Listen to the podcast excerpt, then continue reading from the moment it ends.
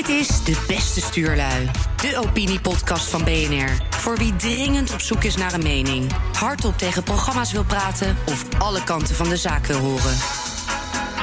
De beste stuurlui van deze week. Jules Paradijs. Het lijkt erop dat jullie met open ogen eh, in het toneelstukje van eh, Rutte eh, tuinen. Siep Winja. Ooggetuigen hebben gewoon gezegd dat Lubbers daar als het ware Nederland verkocht heeft. En Joram van Klaveren. Ik vind niet dat per definitie het financieren vanuit het buitenland dat dat fout is.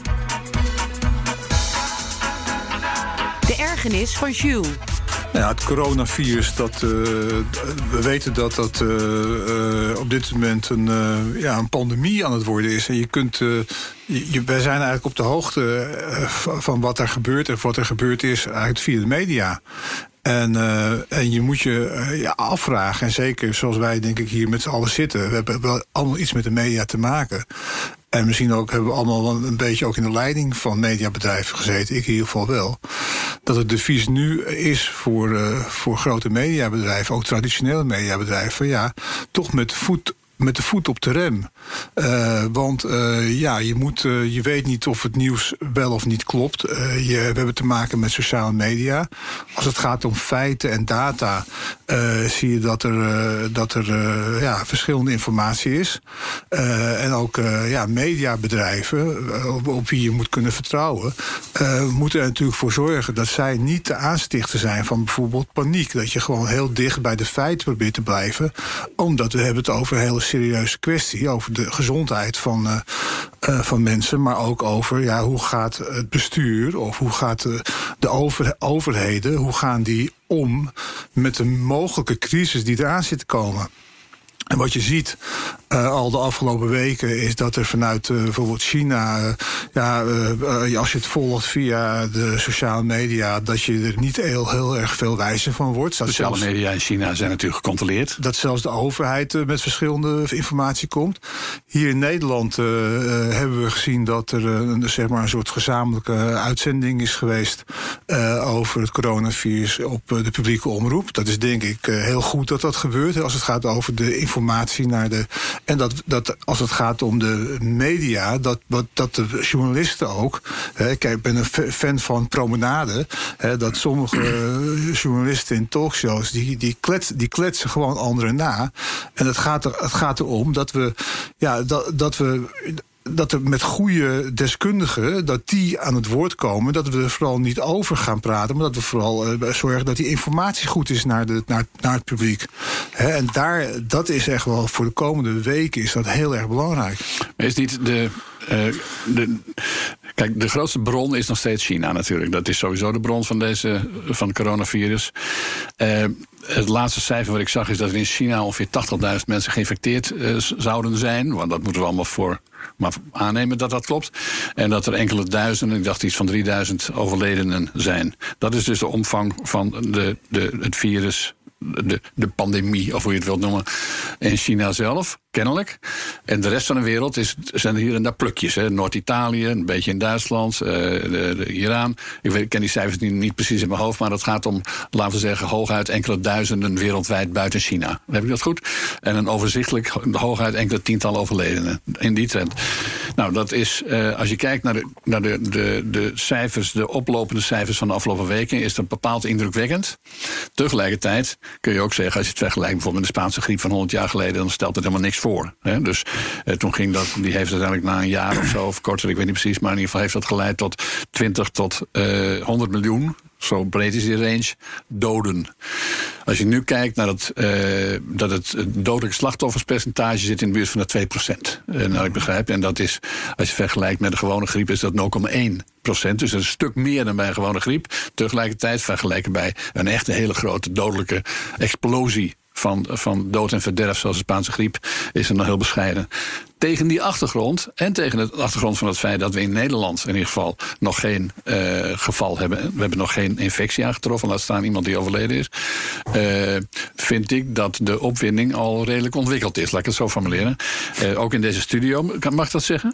Hier in deze studio treffen we ook tot onze eigen verrassing aan dat wij verzocht worden de kapjes waar we in spreken straks te gaan infecteren. Ik weet niet of, of, of, iemand moet dat doen in ieder geval. Dus er is ook een, een spulletje bij geleverd dat heet Ik zal het voorlezen. Dat is de smartphone reiniger. Die dus ook voor kapjes, spreekkapjes voor microfoons bij podcast gebruikt kan worden. Uh, we hebben allemaal, zoals we hier zitten, een lichte neiging om er wat lacherig over te doen. Ik denk dat het helemaal niet zo'n slecht idee is. Maar uh, het enige ongemak blijkt al uit onze eigen reactie hier. Namelijk dat we tot enige lacherigheid geneigd zijn. En eerlijk gezegd begrijp ik dat in zoverre ook wel. Omdat ik net heb geschetst dat er weliswaar een potentiële ramp, ook in economisch opzicht, aan zit te komen. Maar dat nog wel te overzien is. Ja, en wat ik me ook afvraag, kijk, je hoort nu inderdaad steeds over het aantal mensen dat geïnfecteerd is en het aantal mensen wat overleden is. Maar er zijn ook mensen die herstellen. Er zijn best wel veel mensen ook hersteld van dat coronavirus. Dus het idee dat het een soort zombie-outbreak is waarbij iedereen doodgaat en per definitie uh, de, de, afgrond inglijdt, is natuurlijk ook niet waar. Natuurlijk, uh, mensen die kwetsbaar zijn, dus misschien ouderen Mensen die ziek, zwak en misselijk zijn, die zijn sowieso wat meer kwetsbaar. Uh, en die moeten oppassen. En ook hè, mensen die gezond van uh, geest en lichaam zijn, moeten ook uiteraard oppassen. Maar het idee dat je er per definitie aan overlijdt of dat je er iets aan overhoudt, dat klopt ook niet helemaal. Omdat je dus ook mensen hebt die herstellen. En er zou ook wat, best wat meer informatie naar buiten mogen komen hè, als het gaat om de mensen die herstellen. En het idee dus dat het niet per definitie leidt tot een wereldwijde ramp waarbij we met z'n allen richting Armageddon gaan. Want dat idee krijg je langzaam. Nee, maar, nee, maar waar het mij eigenlijk vandaag om gaat, is van de rol van de media. Hè? Uh, kijk, je, je, je ziet gewoon dat uh, deze week ook al, dat je ziet een, een uh, verslaggever zie je naar het hotel rennen op Tenerife, waar duizend mensen in die hotelkamers vastzitten. Mm -hmm. En die vertelt, ja, uh, ik kan er niet bij komen, hierachter gebeurt het allemaal. He, dus, het, het, is bijna wat er gebeurt rond, wat, je, wat je ziet rond de koninklijke familie. 30 fotografen, er gebeurt eigenlijk helemaal niks, maar er worden wel beelden van gemaakt. Ja, want het bestaat.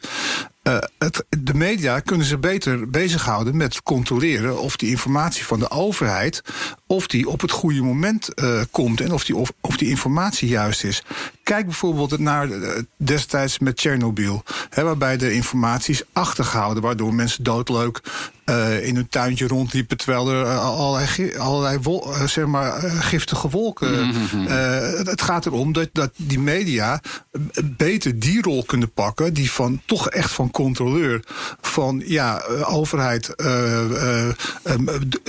geeft de goede informatie. Want die kunnen we dan ook door, doorvertalen maar media, media. Dat, dat, weet je natuurlijk zelf beter dan wie dan ook. Dat uh, media zijn niet alleen maar een serviceinstituut. Wat zeg ik, dat zijn ze eigenlijk helemaal niet. Media zijn in eerste plaats verspreiders van nieuws. En, en in eerste plaats ook van nieuws dat, waar, waar grote vraag naar is. En wat we kunnen zien is dat het coronavirus inmiddels... dat is in de loop van de afgelopen weken gaandeweg gebeurd... is het in die zin een, een, een, laten we zeggen, een handelsgoed geworden. In die zin dat het emotie en entertainment en, en angst. En dus allerlei emoties worden aangedragen door het, door het nieuws. En dat uh, gaat dus uitstijgen boven het idee van, uh, van een servicegoed. maar je ziet bijvoorbeeld in Amerika de rol van Trump. Hè, daar is ook nu al eigenlijk discussie over. Die natuurlijk ziet dat de beurzen. Er zijn allerlei neveneffecten. Hè, mm -hmm. de, de, de, de, de, de val van, de, van Wall Street eigenlijk de afgelopen week met wat is het, bijna 8, 9 procent. Mm -hmm. hè, de, de, de bezuiniging die eraan komen bij de airlines.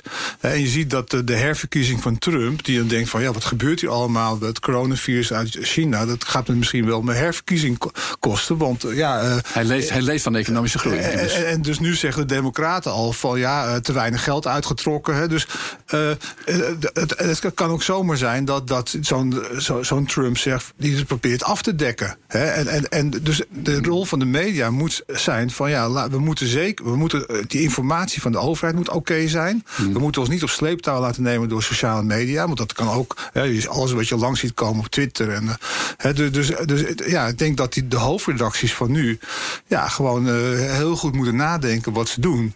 En uh, vooral de verslaggevers uh, ja, motiveren om het, om, het, om, het, om kwalitatief werk te leveren. Ik denk dat, dat het erg nuttig was dat je net de Trump en dat, dat aspect inbracht.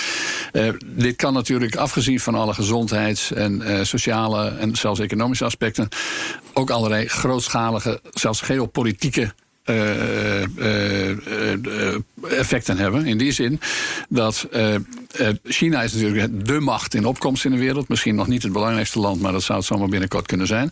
In dit opzicht is het een belangrijke terugslag voor China. en trouwens, de afgelopen weken, we horen er niks meer uit China, dus het beeld ontbreekt. Maar we hebben natuurlijk gezien dat die arts, die oogarts was het geloof ik, die als eerste naar buiten kwam met het gevaar van het coronavirus. En die overleed. Nou, dat leidde tot echt tot een voor Chinese begrippen, voor de Volksrepubliek begrippen, eh, tot een opvallende opstandigheid onder de bevolking. Daar horen we niks meer over. Er zijn vast hele goede redenen voor waarom we er niet meer over horen. Uh, maar dat is dus een politiek probleem van de eerste orde. Het grote probleem van de Chinese Communistische Partij is dat ze dat hele grote land, met die toch vrij veel verschillende etniciteiten en sociale posities van mensen, dat ze daar controle over willen hebben. En de controle is alles. Dat geldt zeker voor Xi Jinping, de huidige leider. Uh, nog meer dan voor sommige van zijn voorgangers. Uh, er is een doodsangst bij de leiding van de partij dat. Uh, dat ze de controle kwijtraken van het land. In die zin is het coronavirus een serieuze bedreiging, of zou het kunnen zijn. En misschien is dat mede een reden waarom we zo weinig meer horen uit China de laatste weken.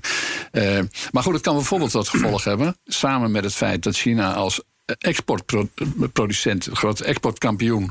dus al onze, eh, laten we zeggen, laag gekwalificeerde en trouwens ook hoger gekwalificeerde spullen, die komen een beetje uit China tegenwoordig. Dat zorgt voor, draagt in hoge mate bij tot de positie van China in de wereld. Dat krijgt nu een geweldige klap. Binnenlands kan er een klap zijn. Dat kan dus de hele wereldordening, eh, zoals die zich aan het ontwikkelen was, een, een, een andere draai geven. Ja, kijk, ja, uh, misschien ben ik, uh, ben ik wat minder, uh, minder spannend ingesteld wat dit soort punten betreft. Alleen, ik denk, kijk, ook als het gaat inderdaad over dat, dat verhaal van Cool Blue. Kijk, in die end is het nog steeds gewoon een, een, principe van vraag en aanbod. En als het, als het zo is dat er inderdaad minder aanbod is en de vraag is groot, dan zal de prijs omhoog gaan. Um, en dat, dat is een tweede effect, hè? Dat is een tweede effect, namelijk dat China als vanzelfsprekende leverancier van alle westerse consumptiegoederen ja. terugvalt. Dus het, zoals je eerder al hebt kunnen zien bij textiel en zo. Er zijn andere landen in Zuidoost-Azië, en niet alleen daar, maar het kan ook in Afrika zijn, eh, die dan, eh, als, als China te duur wordt, omdat de arbeid wat krapper wordt. wordt dat aantrekkelijker. Ja, dus dat zie je. Dus de processen die je algemeen ziet, uh, die zie je nu in een, in een soort stoomketel optreden. En ik heb begrepen dat er nu al verschuiving van opdrachten gaan van China naar andere landen in Zuidoost-Azië of elders in de wereld. Nou ja, je, kunt hem ook uh, omdraaien. Dat we eigenlijk nu gaan beseffen hoe afhankelijk we zijn van China. En dat ondertussen de, de, het Chinese kapitaal, kapitalisme natuurlijk eh, is doorgedrongen ook in, ons, in onze samenleving. Als het gaat om onroerend goed. Er wordt wel eens gezegd dat de helft van de Zuidas hier in Amsterdam in Chinese handen is. Als je kijkt naar de invloed in Afrika.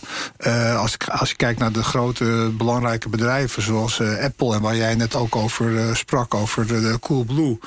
Dat wat we super afhankelijk zijn geworden van, van, van, van China. En dat dit dan ons ook, ja, onze economie ook kan, onze economische welvaart in ieder geval tijdelijk kan gaan bedreigen. Zeker, maar het kan ook ertoe leiden uh, dat die, uh, die, de vanzelfsprekendheid van die afhankelijkheid een dauw krijgt. Dat is wat ik zeg. En uh, in, in, misschien is dat juist een gunstige ontwikkeling. Dat bijvoorbeeld die expansie via die nieuwe zijderoute en zo niet meer dezelfde vanzelfsprekendheid heeft als de afgelopen paar jaar het geval was. De ergernis van Siep. Uh, wat ik het vraag over wil hebben is. Uh, nou, laat ik het heel concreet hebben over een bericht in de Volkskrant van een paar dagen geleden. Uh, waarin uitgebreid verslag werd gedaan van hoe slecht onze premier Mark Rutte zich had gedragen in de, bij de Europese top die de voorgaande dagen had plaatsgevonden in Brussel. Die top die ging over de meerjarenbegroting van de Europese Unie. Iedere zeven jaar is er een nieuwe begroting. En meestal zijn ze in de, de paar jaar voordat die zeven jaar beginnen, beginnen ze echt, maken ze grote ruzie over hoeveel, hoe groot die begroting moet zijn en wie het gaat betalen en of uh, de grote betalers wel of geen korting krijgen. Voor Nederland is dat een extreem belangrijke bijeenkomst, omdat Nederland is per hoofd van de bevolking de grootste betaler van de Europese Unie. Dus wij betalen uh, uh, grijsarts en, en, baby's meegerekend per hoofd van de bevolking meer aan Brussel. Uh, als je tenminste ook rekening houdt met het feit dat we minder terugkrijgen. Het gaat om het saldo. We zijn de grootste netto-betaler van de Europese Unie. Duitsland is natuurlijk by far de grootste betaler, maar dat komt omdat het land er vijf keer zoveel mensen wonen. maar per hoofd van de bevolking betalen Duitsers altijd nog iets minder dan Nederland. En dat is opgetreden begin jaren 90. Uh, daar waren twee redenen voor. De eerste aanleiding was, Nederland was tot dan toe trouwens netto ontvanger. Waarom? Omdat het landbouwbeleid heel gunstig was voor Nederland in die tijd. Nederland is altijd een relatief efficiënt landbouwland geweest. En destijds kregen we alleen maar subsidie voor productie. Nou, dus ging heel veel geld in Nederland. Toen hebben ze dat maar omgegooid, omdat we al die melkplassen en die boterbergen hadden, uh, zijn ze gaan subsidiëren voor niet produceren. Dus voor braakleggen en voor arme boeren die weinig produceren. Dat was buitengewoon negatief voor de Nederlandse betalingsbalans met Europa, zeg maar. Dus de contributie die wij daarheen brachten, die was niet meer toereikend zoals we terugkregen. En dat is punt 1. Punt 2 heel interessant en erg belangrijk, is dat in diezelfde fase het verdrag van Maastricht is gesloten. En het belangrijkste onderdeel van het verdrag Maastricht was de aankondiging dat we de euro zouden gaan krijgen. Wat is er toen gebeurd? Uh, dat was natuurlijk, zoals het altijd gebeurt, vind ik ook het interessante eraan, een krachtig spel tussen de landen, de lidstaten, de premiers. En wat was het geval? De Fransen wilden graag uh, de Duitsers van de markt beroven, die wilden graag die euro. Uh, Kool was helemaal een fan van de Fransen, die voelde zich nog altijd schuldig over een stuk of drie oorlogen. Dus Kool de Duitse bondskanselier, ging daarin mee. En Nederland was de voorzitter, Ruud Lubbers. En Ruud Lubbers was misschien ook niet onbelangrijk. Uh, die was kandidaat, wilde in ieder geval zijn om voorzitter te worden van de Europese Commissie. Wat wil het geval? Een jaar na Maastricht is de rekening uh, van Maastricht opgemaakt in Edinburgh bij een volgende top. En daar is dus die eerste zeven jaren begroting. Nou, wat is daar gebeurd? De Spaanse premier González die heeft toen gezegd: ja, jullie hebben nu de euro, eh, maar eh, daar kunnen wij nooit aan meedoen natuurlijk. Dus we hebben heel veel meer geld nodig, zodat wij te zijn de tijd, solidair en zo, ook mee kunnen doen aan de euro. Toen zijn de cohesiefondsen ingesteld. Dat is een verdubbeling of verdrievoudiging van de sociale van de, de hulpstromen naar armere landen. Spanje, Griekenland, Ierland toen nog en Portugal. Dus in Edinburgh heeft Lubbers, die is in de hoek gedreven door uh, González, de Spaanse premier, en door bondskanselier Kool. En bovendien wilde hij niet de vervelendste meneer uithangen. Dus uh, ooggetuigen hebben gewoon gezegd dat Lubbers daar als het ware Nederland verkocht heeft voor een, een, zak vol duiten, omdat hij voorzitter van de Europese Commissie wilde worden. Sindsdien is Nederland netto betaler. En niet alleen netto betaler, maar ook de grootste netto betaler van allemaal. In de vervolgend, bij de volgende Europese toppen in 1999 en in 2005 dus zowel Kok, premier Kok als premier Balkenende als Mark Rutte één keer en nu voor de tweede keer, die proberen steeds om er wat van die top af te krijgen, zodat we in ieder geval niet zoveel meer betalen dan de rest. En moet ik je zeggen, in tegenstelling tot de meeste andere activiteiten van deze premiers, inclusief Mark Rutte, ze zijn daar redelijk succesvol mee. Dus we betalen nog steeds het meest. Maar als zij niet die succesjes hadden gehad, steeds een miljard of een anderhalf miljard af hadden gehaald, dan waren we helemaal uh, ons geld kwijt. Ja, nee, ik, ik, het viel me ook op. Uh, ik zat dat stuk te lezen uit de, uit de Volkshand inderdaad. En er werd daar heel negatief gesproken over. Hij was kinderachtig en hij was, hij was dwars en hij wilde niet. Arrogant, stuitend. Arrogant, ja. En ik dacht eigenlijk van, nou, dat is, ik ben voor de rest niet een hele grote anti-Rutte-figuur ook niet een hele grote fan. Maar ik dacht, ja, op dit punt uh, denk ik dat hij het uh, heel redelijk uh, aan het doen was. Als dat klopt wat ik las in de Volksraad. In tegenstelling tot wat de journalist ons dan wel mee wilde geven. In meer in opinierende zin. Maar ik denk inderdaad dat als je kijkt naar, je bent netto inderdaad een van de landen die het meest betaalt Volgens dan zelfs de grootste betaler netto. Uh, dan is het natuurlijk heel erg vreemd dat je, dat je eigenlijk vanuit je eigen land bijna kritiek krijgt op het feit dat jij probeert die, uh, die uitgaven te verminderen. En ook de opmerking van die Spaanse uh, premier nu, die dan aangaf: ja, weet je wel, hè, wij zijn een veel groter land. wij hebben veel meer mensen die we vertegenwoordigen. Je moet even een toontje lager zingen. Ik denk, ja, ik denk dat het heel terecht is dat Rutte dan aangeeft van nou, beste man, wij betalen een stuk meer dan dat Spanje doet. Dus het is niet heel erg gek dat je die bedragen omlaag wilt brengen in plaats van uh, laten staan of zelfs verhogen, wat, uh, wat onder andere Duitsland en Frankrijk willen. Nou, ik, ik wil je niet van naïviteit uh, beschuldigen. maar, maar, het lijkt erop dat jullie met open ogen in het toneelstukje van Rutte tuinen. Want we, we, gaan natuurlijk, dit is natuurlijk allemaal voor de bühne. Al, al die zware woorden die hij dan heeft gebruikt richting Michel. En waar, waar iedereen, met die vier landen dan, hè, samen. Het is een blok van vier landen. De verrekkige vier. ja, precies maar, maar de verrekkige vier. De vrekkige vier. Maar, maar we gaan natuurlijk zien dat, dat Rutte natuurlijk gaat schuiven. En dat hij natuurlijk dit alleen voor de bühne is. Omdat hij zijn spierbal heeft laten zien. Maar dat hij uiteindelijk zal die een beweging moeten maken. Alleen hij, in zijn nek hijgen natuurlijk. Ja, wat is het? De PVV en Forum voor Democratie. En toch ook wel toch denk ik ook wel CDA. Uh, maar maar uh, hoe je het went of keert. Ik geloof, ik geloof werkelijk dat, dat Nederland. Uh, nou, maar zelfs dan, hè, zelfs, als, zelfs, nog, zelfs als ze dan uiteindelijk gaan betalen, dan nog zal het natuurlijk minder zijn dan wanneer je in één keer toegeeft. Natuurlijk, en zegt, okay, natuurlijk. op die manier doen, pak het maar. Maar ik denk, ik, denk, ik denk dat je ongelijk hebt, Jules. Kijk, we, we hebben een, een, lange traditie van, van premiers die, er, die het heel belangrijk vinden om aanzien te genieten in Europa. Nou, ik zou je zeggen, je kunt beter geen premier hebben die uit is om aanzien te hebben. Want een premier die graag aanzien wil hebben, die verkoopt jouw belangen. Tegen die achtergrond, dat geldt zeker ook voor Rutte, die voortdurend nee zegt in Den Haag en weer ja zegt in Brussel. Maar juist op dit specifieke punt is de, is de, de, de, de, de, laten we zeggen, de attentiewaarde in Nederland zo groot geworden. dat al vanaf Kok in 1999 mensen er zo zeer bij zijn. dat ze echt niet iedereen kunnen belazeren met uh, weer, uh, hoor het, weer door de pomp te zijn gegaan. En ik herhaal, op dit specifieke punt zijn Nederlandse premiers dus relatief effectief anders dan bij andere onderwerpen, zoals bij de euro en toch weer geld voor Griekenland. En, en kunnen een hele lange reeks van onderwerpen bedenken. Uh, maar juist op dit punt van het netto betalerschap. Uh, kijk, inderdaad, per saldo blijven we gewoon de grootste financier van, de, van, de, van Brussel. Maar het zou echt veel erger zijn geweest als niet zowel Kok als Balkenende, als Rutte. En kijk hoe het nu afloopt, weet ik niet. Maar dat hij het scherp speelt uh, en daar ook wel spelletjes best speelt, dat is allemaal wel. By the way, ik noteer ook dat er altijd als Nederland uh, dwars ligt in Brussel, er altijd wel een, een, correspondent in Brussel te vinden is van de Volkskrant of NRC Handelsblad, die in de krochten van de Europese Commissie of de Europese Raad weet op te tekenen dat Nederland heel slecht ligt.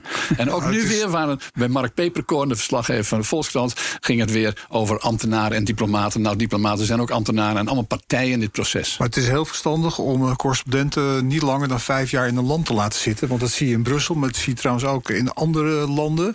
Uh, dat ze of heel erg anti dat land worden, of heel erg worden, worden gezogen in, het hele, in dit geval in het hele eurosysteem. Maar ik ben het niet met je eens, want ik, ik Kijk, Rutte is nogal opportunistisch, politiek opportunistisch ingesteld. En nou, hij weet, dat lijkt me zwak uitgedrukt. en hij weet, hij weet dat, er, dat er bij volgend jaar verkiezingen, dat die partijen, dat die op dit punt zwaar wordt afgerekend. Hè? Dus hij, dus, maar tegelijkertijd voelt hij natuurlijk ook een verantwoordelijkheid. Want als je negen of tien jaar uh, met je vrienden in Brussel uh, praat, dan, dan, uh, en ook nog zelfs wordt genoemd voor allerlei functies, dan, dan, dan moet je natuurlijk wat. Dus hij moet zich uit deze keten, uit deze Gordiaanse knoop, die moet hij dus gaan, uh, daar moet hij uitzien te komen. Ja. En, en, hij hoopt natuurlijk een beetje op een beetje mazzel. Uh, en dat, dat zit ook vaak, dat geluk heeft hij ook uh, gewoon vaak. Nou, maar dan is het goede nieuws. Dan is het goede nieuws dat ze klagen over hem. Als ze, als ze hem complimenten geven, dan moet je oppassen. Dus als, als Merkel, hij zit voortdurend op recepties en bij feestjes. En dan is hij weer op bezoek bij, bij Macron. als zij over Rutte klagen, dan heb ik meer vertrouwen in dan wanneer ze me complimenteren. Ja, en ik denk dat ook wel eh, een rol speelt. Dat is nog niet genoemd. Uh, de, de brexit. Kijk, voorheen was natuurlijk. Uh, de, de, Britten waren altijd ook wel van. Hè, niet, niet, niet, niet te ver de portemonnee openzetten. Redelijk zuinig ingesteld. weet je, het Anglo-Saxische denken, wat natuurlijk logischerwijs daarin zit. dat is weggevallen. Dus ik denk dat de rol die Rutte kan spelen. Of dat nou gespeeld is of, of dat er echt, echt een intrinsieke motivatie achter zit. die is natuurlijk ook nieuw. Dus het is gewoon een nieuwe situatie. Nou, dus het feit dat die Britten weg zijn en Rutte de gelegenheid geeft zich misschien op te werpen als iemand die wat stelliger uh, mee kan gaan doen. In, het, uh, in, het, in ieder geval met de vuist op tafel staan. Hè, want mijn money back idee. Uh, ja, is misschien niet maar verkeerd. Het allerbelangrijkste, en dat ben ik wel met Jules eens, dat is dat hij niet naar de verkiezingen kan met een duidelijk verlies in Brussel. Zo simpel is het ook. Hij is een campaigner. De ergernis van Joram. Ja, uh, ja, we zijn natuurlijk de afgelopen twee weken uh, voornamelijk uh, gebombardeerd met nieuws over die commissie die zich bezig moest gaan houden met uh, uh, te onderzoeken in hoeverre er sprake is van ongewenste beïnvloeding uit onvrije landen. En uh, nou, ik heb voor zover het lukte tussen het werken door en ook een beetje met terugkijken die verschillende gesprekken gevolgd, de verhoren bekeken van zowel de kant van de mensen die verdacht werden tussen aanhalingstekens en de mensen die daarop getrommeld waren als deskundigen. Wat mij erg opviel was dat het gevoel mij bekroop dat het heel onvolkomen was. Ik vond eigenlijk het hele politieke instrument van die zogenaamde flitsenquête, dus eigenlijk uh, het politieke verhoren, uh, eigenlijk helemaal niet toereikend om zoiets te doen. Kijk, normaal gesproken bij een echte parlementaire enquête hou je een groot onderzoek van tevoren, een literatuurstudie. Je bekijkt van, goh, hè, wat zijn nu eigenlijk op dit moment de, de situaties waar we ons in bevinden. En op basis daarvan nodig je dan vervolgens mensen uit om verder te kijken. Wat we hier gezien hebben is dat dat niet gebeurd is. Is ook niet nodig, want het is inherent aan dit instrument, het uh, parlementair verhoor, dat je dat niet doet. Nou, ze hebben natuurlijk wel verhoren uh, gehad. We hebben diverse mensen langs zien komen. Alleen het punt is dat uh, na afloop van die verhoren wordt er normaal gesproken bij een parlementaire enquête wordt er een rapport opgesteld waarbij bevindingen worden gepresenteerd, er worden aanbevelingen gedaan en conclusies getrokken. En inherent aan dit uh, specifieke instrument is dat er wel bevindingen worden opgeschreven in een verslag, maar dat er geen conclusies volgen en dat er geen aanbevelingen worden gedaan. En ik denk, ja, als dit nou zo'n groot probleem is, waar we al nou, volgens mij decennia over aan het spreken zijn. En de afgelopen jaren is dat wat geïntensiveerd. Dan is het natuurlijk heel erg vreemd dat je een politiek verhoor instrument inzet om uiteindelijk toe te werken naar een oplossing. Omdat je A als commissie super verdeeld bent. Dat kun je ook blijven in de Kamer als het debat straks volgt in april, mei omdat je geen conclusies hebt die uh, gedeeld worden de hele commissie. Er worden geen aanbevelingen gedaan. Dus elke politieke partij uh, zal, en dat gebeurt normaal gesproken ook al, maar nu helemaal, zijn eigen conclusies gaan trekken, zijn eigen aanbevelingen gaan doen. En ik denk dat het uiteindelijk, als je daadwerkelijk een probleem ziet, uh, geen oplossing gaat bieden. Dus ik vond het een heel onvolkomen gebeuren. Ik denk dat ik voor, voor een deel wel met je eens ben. Want uh, ja, wat je ziet in het verleden, dat parlementaire enquêtecommissies en ook voorzitters, ja, dat die met heel veel gezag uh, uh, en met heel veel impact het werk deden. En dat daar toch ja, grote, ja, grote belangrijke vraagstukken ook eh, werden aangepakt uiteindelijk. In dit geval uh, ja, heeft, de Kamer, heeft de Kamer besloten om tot zo'n zo flitsenquête te kunnen komen. Maar, ja, maar ook wel misschien beter om uh, niet te snel dit in te zetten, dit, dit gereedschap. Maar om ja, te, te kijken of, er, of je ook werkelijk wat kan, kan veranderen. Ja, je hebt deels dus gelijk. Van de andere kant is het wel fijn uh, dat we dat zichtbaar wordt en transparant wordt met wat voor types uh, we te maken hebben. met ja, de, de imam die we daar, ik ben zelfs zijn naam vergeten, maar de, zeg maar een, een, een vent die dus zeg maar totaal zonder enig respect als een, als een zeg maar voor, voor, voor, voor, de, voor de Tweede Kamer, voor de rechtsstaat, zeg maar echt een, een brute, niet-democratisch figuur. Die daar allerlei dingen roept. Ja, dat is nu ook is dat inderdaad op een wat op platform terechtgekomen waar iedereen dat ook even kon, uh, kon, kon, kon zien. En, en, en ja, er zijn zorgen over, uh, over de investeerders, over de manier waarop er geld wordt gegenereerd, over het stimuleren van het salafisme. Uh, het is goed dat het parlement dat zeg maar in, in, kaart brengt en dat ook transparant maakt. Het is de journalistiek natuurlijk, heeft het al gedaan. Nieuwsuur heeft natuurlijk daar een duit in het zakje gedaan. Nou, de ChristenUnie is natuurlijk typisch zo'n partij die voortdurend daarop loopt te hameren. ja, en wat gaat hier uitkomen? Nou, niet zoveel, denk ik. Nou, ik denk dat het meevalt. En, en het, uh, kijk, laten we niet vergeten, de Tweede Kamer is, heeft, heeft ruwweg tot taak om wetten te maken en om uh, de regering te controleren.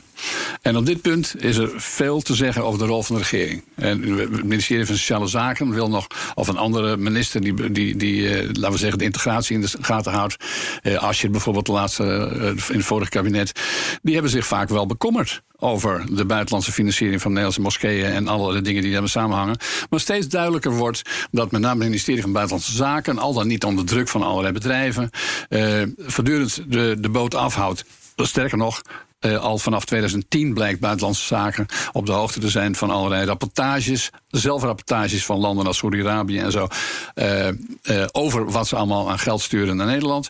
Zonder dat dat zelfs maar gemeld werd aan andere ministers, andere ministeries, maar het ministerie van Sociale Zaken met name. Nou, dat is, ik zou het zonder problemen sabotage, beleidssabotage willen noemen. En als er één verdienste is van deze, die flitsenquête nu, kijk, je kunt zeggen, ja, dat is niet allemaal ideaal. Maar één ding staat vast: dat nog op de dag, de laatste dag van, van het openbare verhoren, kwam er al een uitspraak van het kabinet waarin ze besloten om nu eens doortastend op te treden, minister Koolmees in dit geval. Ja, maar ook dat, dat voorstel, dat lag er natuurlijk al vanaf 2018. Dus het is allemaal, ik vind het een beetje voor de bühne. En kijk, het idee, ik weet ook niet in hoeverre er sprake is van sabotage. Want je mag van buitenlandse zaken, zeg ik, hè? Ja, ja, maar ik, ik denk dat je ervan uit mag gaan dat premier Rutte, en die is politiek gezien echt niet op zijn achterhoofd gevallen, ook weet wat er heeft gespeeld. En het feit is dat de Kamer, waar alle partijen in zaten, van links tot rechts, niet het ministerie van Buitenlandse Zaken hebben uitgenodigd om te komen spreken als deskundig is natuurlijk heel bizar. Want als je, nou één, als je nou één club hebt met mensen die informatie hebben, inderdaad, om aan te geven hoe lopen die lijntjes, wie wordt er geïnformeerd, wie niet, dan zijn dat de mensen van Buitenlandse Zaken. Die zijn niet uitgenodigd, niet door de Kamer zelf. Dus ik denk, ja, in hoeverre is dit. Nee, is ook een mag, beetje een vragen, mag je als het vragen? Je hebt, je hebt in het verleden altijd. En je zult van mij nooit uh, verwijten krijgen dat je niet van mening mag veranderen. Want daar zijn we met elkaar liberaal genoeg voor. Want da, daar leven voor in een vrije samenleving. Iedereen mag zijn eigen godsdienst beleiden. Uh, en ook heeft daar natuurlijk uh, ook het recht toe. Al, als, er maar, als het democratisch gebeurt en als anderen er maar niet last van hebben. Dat is ook even een ding. Want ja, we, zijn met Dingetje. elkaar. Ja, maar we willen er geen last van hebben. Dus doe het vooral in je eigen kerk. En, en ga scheiding, scheiding van kerk en staat. Dat is onze rechtsstaat. Nou, jij, nou jij uh, zeg maar in het verleden natuurlijk uh, gepleit voor, om zeg maar ja tegen je was eigenlijk tegen die uh, financiering van buiten. Ja. Ook andere kerken moeten gefinancierd worden. Dat gaat vaak via de leden van de parochie. en soms zijn er ook wel andere geldschieters. Maar hoe sta je daar na deze, na deze flitsenquête in? Ben, jij van mening veranderd dat dat moet stoppen? Of na deze nou, flitsenquête? Nou, nou, maar nu in 2020. Ja. Sta, sta, je er anders in dan, dan in 2016 bijvoorbeeld? Uh, ja, ik sta er wel anders in. Uh, punt is wel dat ik. Kijk, ik, ik ben gewoon van mening dat zolang je de rechtsstaat hebt en je overtreedt de wet niet, dan moet die ruimte er zijn. Kijk, ik vind niet dat per definitie het financieren vanuit het buitenland, of het nou gaat om een moskee, een islamitische instelling, een kerk of, of een bedrijf, dat dat fout is. Want ik bedoel, als we heel eerlijk zijn, we kijken gewoon naar de aandelenmarkt, dan zie je natuurlijk ook gigantische hoeveelheden geld vanuit Saudi-Arabië gaan naar weet ik veel welk bedrijf in het Westen. En daar is nou daadwerkelijk sprake van invloed. Uh, ook via de aandeelhouders natuurlijk. En bij heel veel van dat soort landen zit natuurlijk de staat daar fors in. Dus uh, ja, om je nou te vestigen en te focussen alleen maar op een stel kleine organisaties vind ik wat ver gaan. Um, maar kijk, zodra, de, zodra, ja, dat één punt ja. zodra, zodra de wet wordt overtreden, vind ik een ander verhaal, dan moet je ingrijpen. Alleen uh, het, het, is toegestaan, dat is het punt. En dat is ook wat, wat Siep net stelde. Het feit is dat het ministerie van Buitenlandse Zaken dat is de regering op de hoogte was. Sterker nog, gewoon hele lijsten beeld hoe de, hoe de geldstromen liepen. Ja, dat maakt natuurlijk ook dat mensen die dat gewoon met een goede intentie hebben gedaan, gevraagd goh, we hebben te weinig geld hier om moskee X te bouwen. Zouden we van u wat kunnen uh, krijgen? Ja, dat die niet het idee hebben, ik doe iets fout of ik doe iets wat niet kan. Sterker nog, het werd ook vaak gemeld. En dan denk ik, ja, dat is natuurlijk, het maakt het, uh, het, maakt het een beetje uh, dubbel hard. Ja, maar kijk, dat, dat kerk geld inzamelen. Als ik bij de Turkse groenteboer sta en er staat iemand bij de kassa en die wil euro voor, omdat er een, uh, een nieuw uh, gebedshuis moet, moet maar dat gebeurt ook veel. Dan gooi ik, gooi ik, er ook een euro in. Omdat, ik, uh, omdat ik vind dat, dat of het nou gaat om een, om een zeg maar jongerenvereniging of, of om een, iets wat, wat mensen uit een goede intentie doen, om, om mensen bij elkaar te brengen op een of andere manier. Nou, prima. Hè, maar waar we het hier over hebben, is natuurlijk van ja, dat er met een bepaalde inslag uh, uh, hier in de Nederlandse samenleving, een, een vorm van radicalisering wordt gestimuleerd via, via de moskeeën. En dat, daar, dat dat de sponsoring is die je denk ik niet wil hebben. En dat overtreed je de wet niet, want het, het wordt in de beslotenheid van de moskee gebeurt het. Maar toch vraag je je af of je dat in de, onze samenleving wil hebben. En ik denk dat een, een nuttige aanvulling is, maar dat, is, dat ligt voor de hand natuurlijk als u begint met zo'n verhaal. Een nuttige aanvulling is te weten dat we hier eh, misschien wel meer dan beseft wordt bij deze enquête te maken hebben met de invloed van nationale staten. Met ja, dus andere mogendheden. Een land als Saudi-Arabië, dat heeft eh, 40 jaar geleden, de afgelopen 40 jaar 100 miljard uh, dollar, als er niet meer is, uitgetrokken.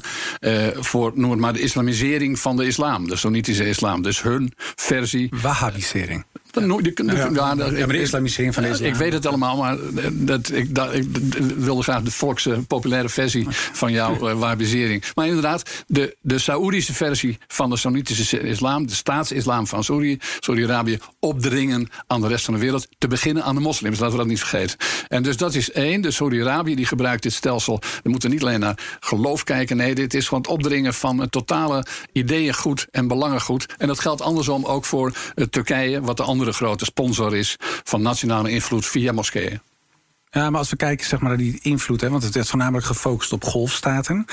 Um, de meeste invloed, tussen aanhaakstekens, vanuit golfstaten is niet zozeer op moskeeën. Als jij gewoon naar de gemiddelde moskee hier gaat, uitzonderingen daar gelaten, worden daar gewoon hele ja, uh, moderate uh, preken gehouden. Er is, er is weinig spannends aan. De echte invloed, uh, als het gaat om extremisme en dat soort zaken, dat gebeurt juist buiten de moskeeën om. Dat zie je via YouTube gebeuren. Dat zie je gewoon via individuele predikers gebeuren. Dat gebeurt op. Dat is die 100 miljard waar ik het over heb. Ja, ja, klopt. Maar dat is dus, dus het hele idee van we willen niet dat het buitenland een moskee financiert. Ja, dat is echt niet het probleem. Het feit dat mensen zich daar zo op focussen, dat, dat is voor mij zeg maar tekenen dat je er nog steeds niet van hebt begrepen.